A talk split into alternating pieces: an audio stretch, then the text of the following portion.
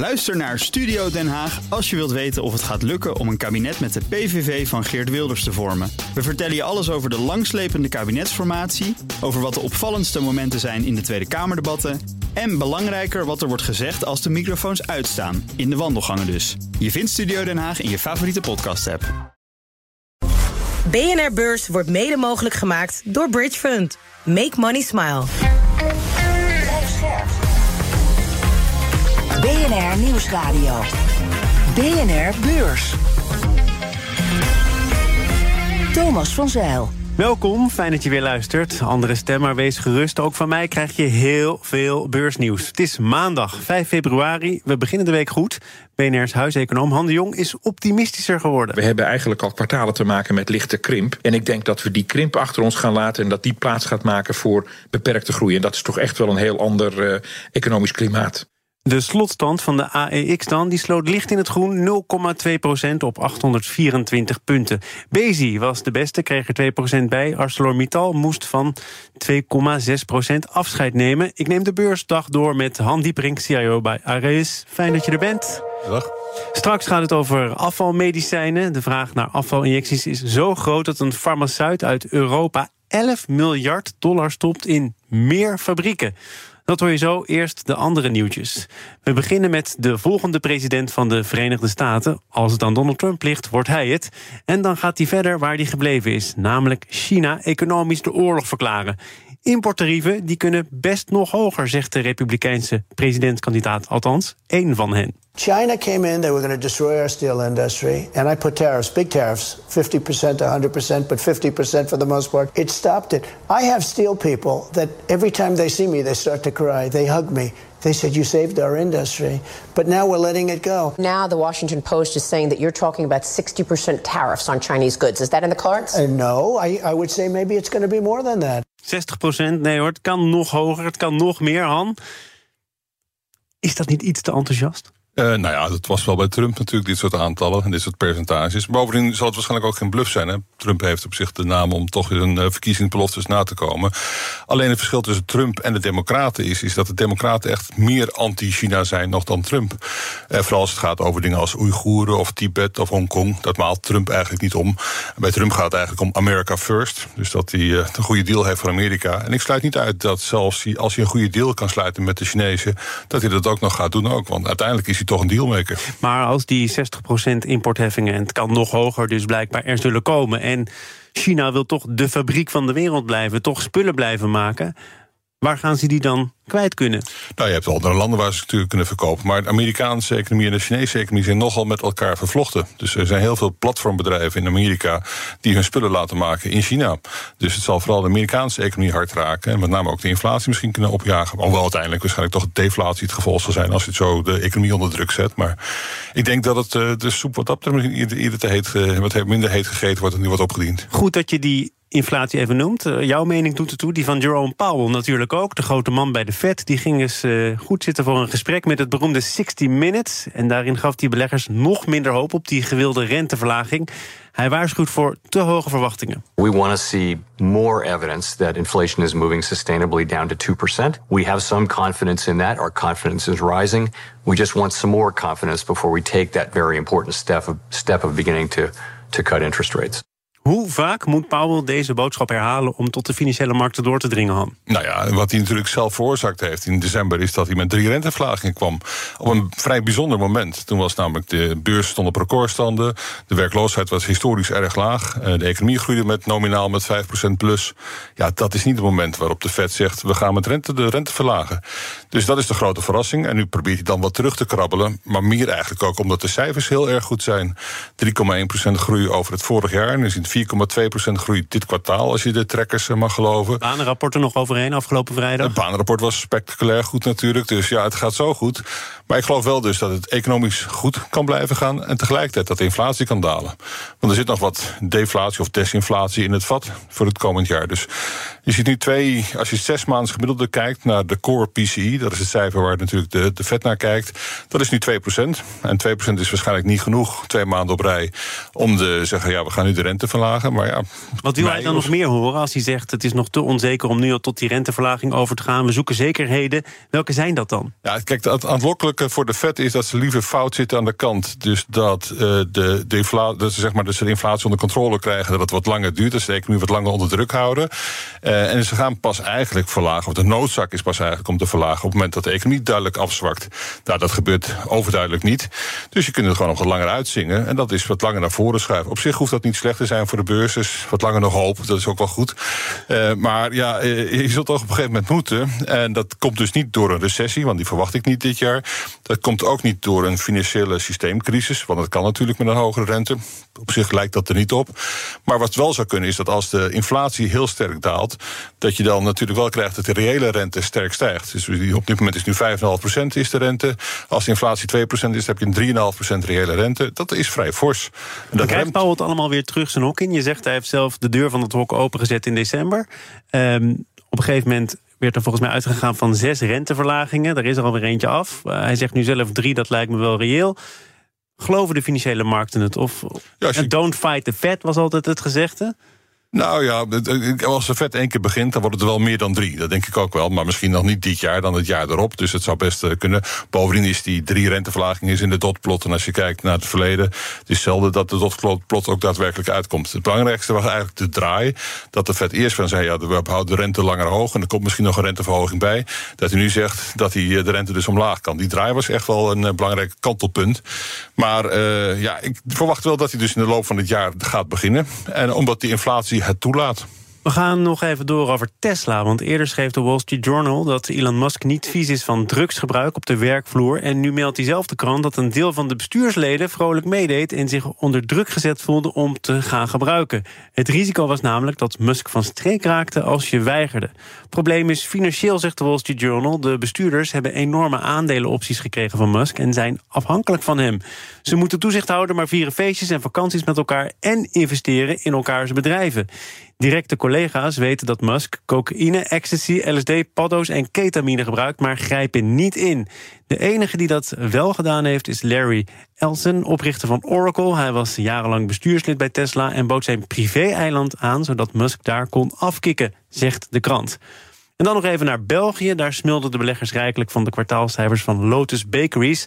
Dat bedrijf had de beste beursdag sinds 2005. Het aandeel stond bij sluiting ruim 19% in het groen. Ook de klanten van Lotus vulden de buik goed. Het bedrijf rapporteerde 21% meer verkoop in het afgelopen jaar... en een omzet van ruim 1 miljard euro. En vooral indrukwekkend, die groei kwam niet alleen voort uit hogere prijzen... want ook de afzet nam met 10% toe. Lotus verdient dus goed met speculoos en snelle jelles. Je hoort zo of dat ook geldt voor hamburgers, slappe frieten en milkshake. We bespreken dan de cijfers van McDonald's. Maar uh, toch enigszins daaraan gerelateerd beginnen we met Novo Nordisk. Dat heeft flink de portemonnee getrokken. De farmaceut uit Denemarken koopt drie fabrieken voor maar liefst 11 miljard dollar. Allemaal zodat ze kunnen voldoen aan de vraag naar hun obesitasmedicijnen. Vooral in de VS is het populair om af te vallen met de medicatie. De vraag van de Amerikaanse klanten is in korte tijd verdubbeld. Afvalmedicatiehandel, daar gaat het al een tijdje over. Dat zijn de winnaars op de beurs. Of je het nou hebt over Novo Nordisk, over Eli Lilly. Blijft dat zo of mag je dit nog een hype noemen? Nou, je mag het nog wel een hype noemen. Ik bedoel, het is oorspronkelijk ontstaan met uh, zeg maar de afvalpraktijk van Kim Kardashian. Dus je mag dat betreft wel zien als een hype. We hebben natuurlijk eerder meegemaakt in het verleden met Viagra bijvoorbeeld. Had men ook gedacht, nou, dat wordt niet zo'n groot spektakel. En dat wordt toch veel groter dan had verwacht. En nu is Viagra een miljardenmarkt.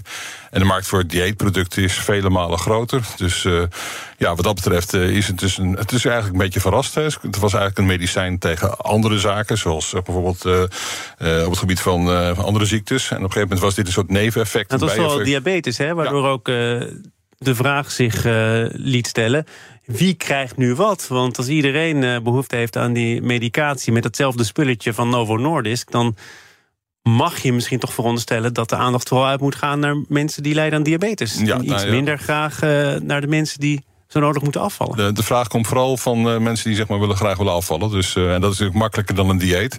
En uh, het is niet goedkoop, maar het is een behoorlijke vraag. En dat is de reden waarom ze die fabrieken neerzetten. Ja. Dus dat zijn voor bestaande fabrieken, dus die worden niet nieuw gebouwd.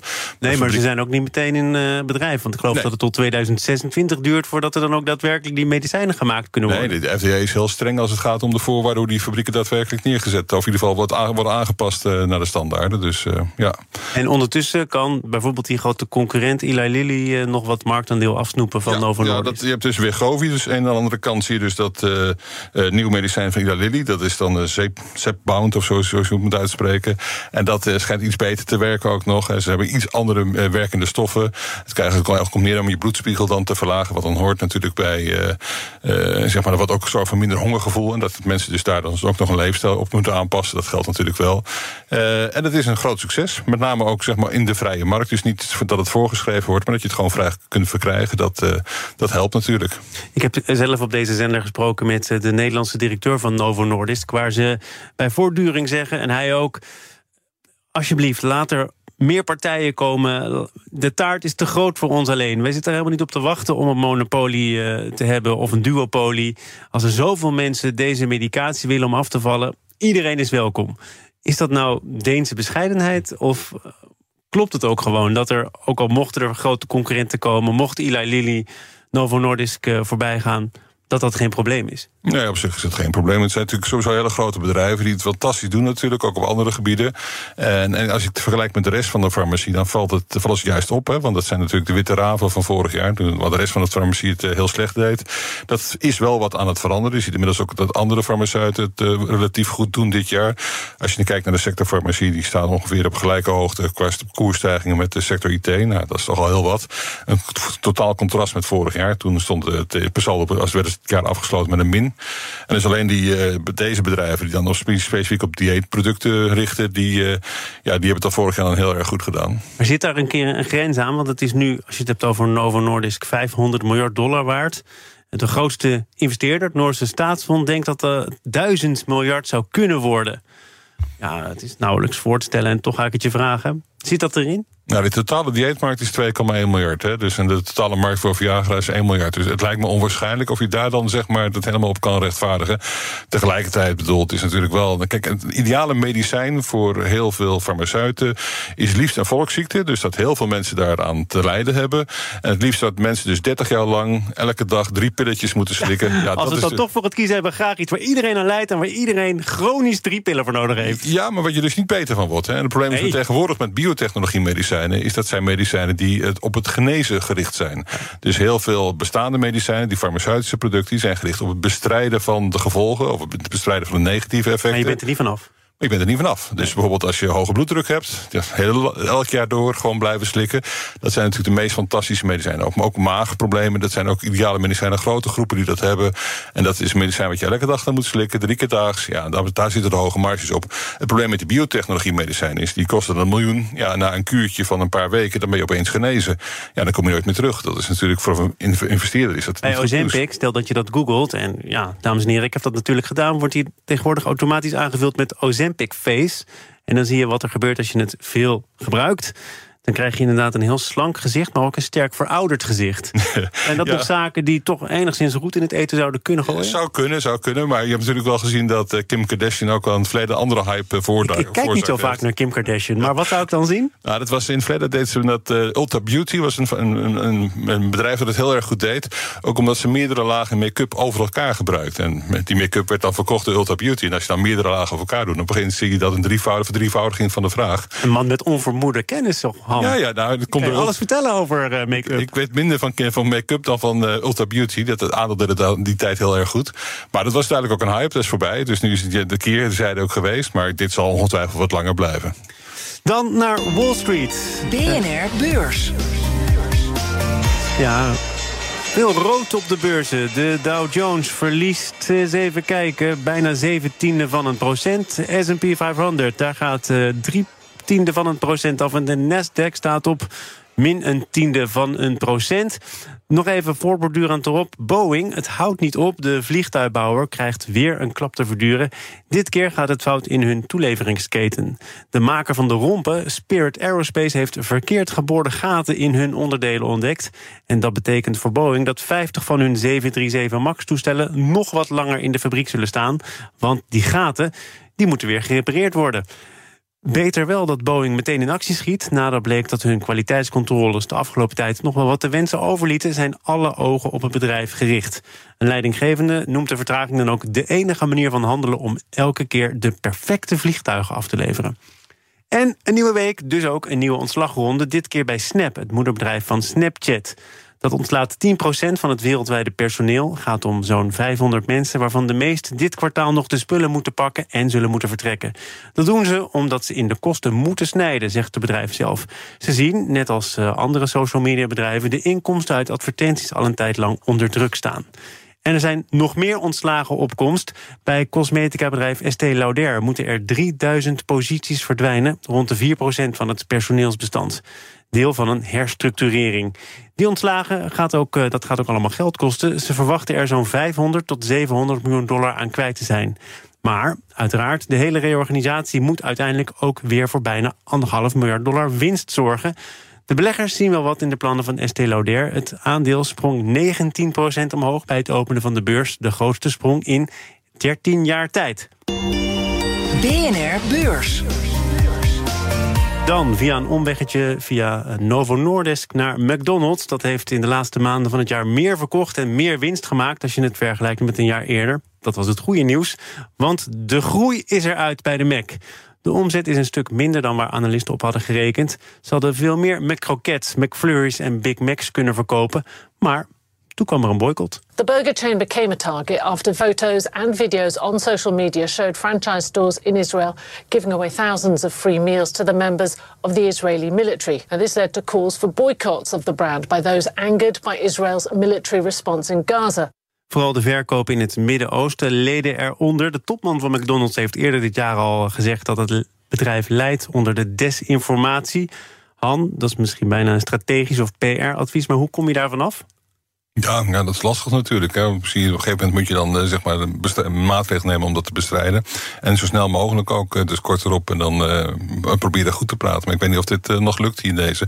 Je zag het in het Midden-Oosten, maar je zag het ook in Frankrijk. Maar dat waar ook duidelijk minder werd verorberd. Dus internationaal was het 0,7 procent. En dat zorgt dus dat eigenlijk de same store sales, dat is waar iedereen eigenlijk naar kijkt. Je kunt er allebei de, allemaal restaurants erbij zetten. Maar het gaat om hoe is de groei in de vergelijkbare restaurants. Dat die nog nogal tegenviel ten opzichte van de verwachtingen. Nou, maar het is, het is wel terecht dat je dat zegt. Je kunt er restaurants bij zetten. Dat is wel de ambitie van de McDonald's. Hè. Daar komen volgens mij in vier jaar tijd zo'n 10.000 restaurants bij. Of moet je zeggen, nou, als die groei een beetje achterwege blijft toch nog eens heroverwegen? Uh, nou ja, het is een beetje een, bedrijf dat in lijn beweegt met de indexen de afgelopen tien jaar. Het is niet echt een spectaculaire outperformer, maar ze doen het voor een restaurantketen bovengemiddeld goed. Het probleem met McDonald's zit meer aan de duurzame kant. Dus uh, als je kijkt naar de beleggingen, ze hebben het eerst plaats, hebben ze al die restaurants niet in het bezit. Dat zijn allemaal franchises, dus ze gaan ook niet over het aannemen van personeel, dus ook niet over de beloning van personeel. En daar zijn toch wel mensen die wat eigenlijk onderbetaald worden of die misschien wel slecht behandeld worden. Dus er is een discussie in de VS dat een soort dat de, de, franchisee dus ook een joint soort verplichting heeft om naar, naar het personeel te kijken. En verder is, is de, de, hele de keten is helemaal uitbesteed. Dus alle supply chain, dat komt ook van overal vandaan. Nou, dat zijn natuurlijk, ze zijn de grootste vleesinkoper ter wereld. En bij vlees spelen ook nogal wat dingetjes. Niet alleen over gezondheid, maar ook over bossen die verdwijnen, over de biodiversiteit. Maar dat vinden ze in Amerika toch niet zo'n punt? Ja, maar McDonald's is toch een internationaal bedrijf. Ik weet nog in het verleden, we hebben een keer een discussie gehad samen met de Plastic Soup Foundation. En toen hebben we op de vergadering om zeg maar, de plastic rietjes uh, af te schaffen en niet te vervangen door papieren rietjes. Uh, omdat je heel veel plastic zwerfafval had. Dat was natuurlijk ook een beetje geboren toen dat zeepaardje met die uh, aan het plastic rietje door de oceaan zwom. Dat was niet uh, echt het mooiste beeld. Maar ja, dan zie je toch wel dat het onverwachte neveneffecten heeft. Van die, die plastic, die papieren rietjes, daar is veel protest tegen. Maar ook omdat bijvoorbeeld mensen die, ja, kinderen die slikken erin. Die, die verslikken zich in dit papieren rietje omdat ze erop kauwen op de verkeerde manier. En je ziet natuurlijk dat uh, die plastic rietjes die kun je dan nog recyclen. Alleen de papieren rietjes die moet je dan weggooien. En per saldo is het, schijnt dus toch slechter voor het milieu te zijn. Het is niet zo makkelijk nog om dan op dat opzicht de juiste beslissing te nemen. Maar vanuit de beleggersperspectief zou je kunnen zeggen... McDonald's, daar zullen altijd mensen blijven komen. Het is tamelijk recessiebestendig, dividend, meestal ook wel... Veilige investering? Uh, het is een veilige investering, maar we rekenen niet op een spectaculaire outperformance van McDonald's. Zeker niet op deze waardering. Die is 25 keer, die is al stevig, ligt al boven de markt. Ja, dan moet je wel de groei laten zien. Zouden we moeten proberen om, als je zegt de verkopen per restaurant, dat schiet die bepaalde hoogte in, om dan maar de prijs wat te verhogen? Of uh, raak je dan aan uh, wat Joe Sixpack nog uh, over heeft voor een goede hamburger? Ik heb zo de indruk dat die, de prijzen al wat verhoogd zijn. Al verschilt dat sterk per land hoor. Want ik was in Japan en daar heb ik voor vier items bij de McDonald's betaalde ik per saldo 4,80 euro. Ik denk je dat in Nederland niet meer redt. Dus, ik denk wel dat je het terugziet in de cijfers. Want in Japan en in China, ja, daar is toch nog wel sprake van enige groei. dus fijn dat je daar zelf zorg voor draagt. Ja. Uh, dan hebben we nog uh, hun ambitie om te komen met Cosmex. Uh, dat zijn een soort, ja, mag je het Starbucks-achtige tentjes noemen? Ja. zit daar denk je veel toekomst in? Ik weet het niet. Het is toch zeg maar de keten die het, de restaurant, de bestaande restaurantketen die het echt goed doet. En uh, ik weet niet of dat uh, dit nieuwe concept en dat, ja, dat moet dan, dat moet dan aanslaan, zeg maar. Want je hebt met die kleine ketens die Starbucks ook wel heeft, inderdaad, in allerlei supermarkten. Maar ja, het bewijs daarvoor is er nog niet. Nee, achter de scherm wordt er ook gewerkt aan het verbeteren van de receptuur van de hamburgers. Ja, ga je er nou meer of minder voor naar de McDonald's? Of zit het daar helemaal niet in? Ja, het zit vooral nu in het vegetarische natuurlijk. Wat je de vertechte vegetarische burger die bij McDonald's kan krijgen. Uh, maar daar is ook niet de groei erg spectaculair. Dat moeten nou, mensen Als het allemaal niet zo spectaculair is, niet echt overhoudt, dan gaan wij naar de vooruitblik voor morgen. Want ook morgen draait de kwartaalcijfercarousel door en door. Collega Maxime van Meel neemt je langs de selectie die hij voor je klaarzet. Allereerst UBS. De Zwitserse bank had vorig kwartaal nog rode cijfers vanwege de overname van Credit Suisse. Hebben ze ondertussen een oplossing gevonden om die kosten te dekken? Ook twee autobouwers voorzien ons nog van cijfers, namelijk Ford en Toyota. Al weten we dat het bij Toyota met de verkopen in ieder geval wel goed zit. Ze zijn met ruim 11 miljoen verkochte wagens in één jaar nog altijd de grootste autobouwer ter wereld. We krijgen ook nog een financiële Spotify Wrapped. Ook de muziekstreamer publiceert de jaarcijfers. Die verwachtte drie maanden terug zelf nog een goed kwartaal in te gaan. Toen noteerden ze voor het eerst in anderhalf jaar weer winst. Vooral omdat ze flink in de kosten hadden gesneden. Analisten die zijn wat minder enthousiast. Ze verwachten dat er nu toch weer een klein verlies is gedraaid. En dan hebben we ook nog Han, Unilever, Disney, Adyen, Axo. Ik pretendeer niet eens volledig te zijn. Zijn er nog cijfers waar jij met bijzondere interesse naar kijkt? Ja, wat verder weg, dat zijn de cijfers van Nvidia. Maar natuurlijk de cijfers uh, vorige, ja, 21 februari is dat. Maar de rest is eigenlijk allemaal voorspel, hè? Ja, je hebt natuurlijk vier, vijf uh, bedrijven, big tech bedrijven uit wat dan uh, zegt de Magnificent Seven geweest vorige week. En ja, eigenlijk vier van die vijf zeiden we ja, we gaan meer investeren in kunstmatige intelligentie. En niet een klein beetje meer, miljarden en meer. En als je het allemaal bij elkaar optelt, iemand moet dat maken. En dat is toch waarschijnlijk dat Nvidia die gaat produceren. En dat is ook de reden natuurlijk dat ASML relatief goed blijft liggen natuurlijk dit jaar. is al 20% hoger. En die gaat uiteindelijk ook de machines leveren daarvoor. Dus ASML is feitelijk, zeg maar, zonder ASML is er geen kunstmatige intelligentie. Maar uit de, uit de aankondigingen van de collega Magnificent Seven bedrijven... kun je al afleiden dat Nvidia gaat verpletteren. Ja, want ze hebben klagen ook wel over de prijzen. En als ze over de prijzen klagen, zijn het de prijzen van de chips van Nvidia. Er is feitelijk geen andere leverancier. Misschien in de toekomst AMD ook een deel van de markt eh, zal krijgen. Je moet rekenen dat die markt in de komende drie jaar ongeveer zal vertienvoudigen. En het mooie is dat je geen wet van de afnemende middelopbrengst hebt. Het is eigenlijk meer hoe meer, hoe beter. Zeker bij kunstmatige intelligentie. En het is over een paar bedrijven verdeeld. En ook nog een paar bedrijven die denken, we lopen nog wat achterop. Apple heeft beloofd meer te gaan investeren. Uh, Alphabet vindt dat ze eigenlijk al te laat zijn. En natuurlijk, uh, als ja Meta heeft natuurlijk geld genoeg. Dus ze hebben ook allemaal hele diepe zakken. Dus, komt allemaal in het laadje van Nvidia terecht. Uiteindelijk. Een groot deel komt in het laadje van Nvidia terecht. En dan ben ik benieuwd wat het wordt op de 21 februari. Want de koers is natuurlijk al 30% gestegen. Dus het zit wel wat een beetje in de koers. Maar wie weet. 21 februari, dat is nog zeker 16 nachtjes slapen. Want dit was BNR Beurs van maandag 5 februari. Waarin we het hadden over. Uh, afvallen, over bijkomen via de McDonald's, over paddo's. Daar heb ik je niet echt over gesproken. Heb ik een kans gemist? Uh, Uitgelezen nee, expertise ik ben geen specialist op dat nee. gebied, helaas. Dan moet je even van mij voorbij laten gaan. Rent hebben we gelukkig wel eh, even bij de horens gevat. Het was al met al een uiteenlopende uitzending. En gelukkig hadden we iemand met ook uiteenlopende kennis. Han Dieprink van Aureus, fijn dat je er was. Dankjewel. Morgen dan is BNR Beurs er weer. En dat is dan inclusief Jelle. Veel plezier, tot later. BNR Beurs wordt mede mogelijk gemaakt door Bridge Fund. Make money smile. Ook Hugo Reitsma vind je in de BNR-app. Superhandig die BNR-app. Je kunt alle programma's live luisteren, breaking nieuwsmeldingen. Je blijft op de hoogte van het laatste zakelijke nieuws. En je vindt er alle BNR-podcasts, waaronder natuurlijk de belangrijkste, Boeken zijn in de wijk. Download nu de gratis BNR-app en blijf scherp.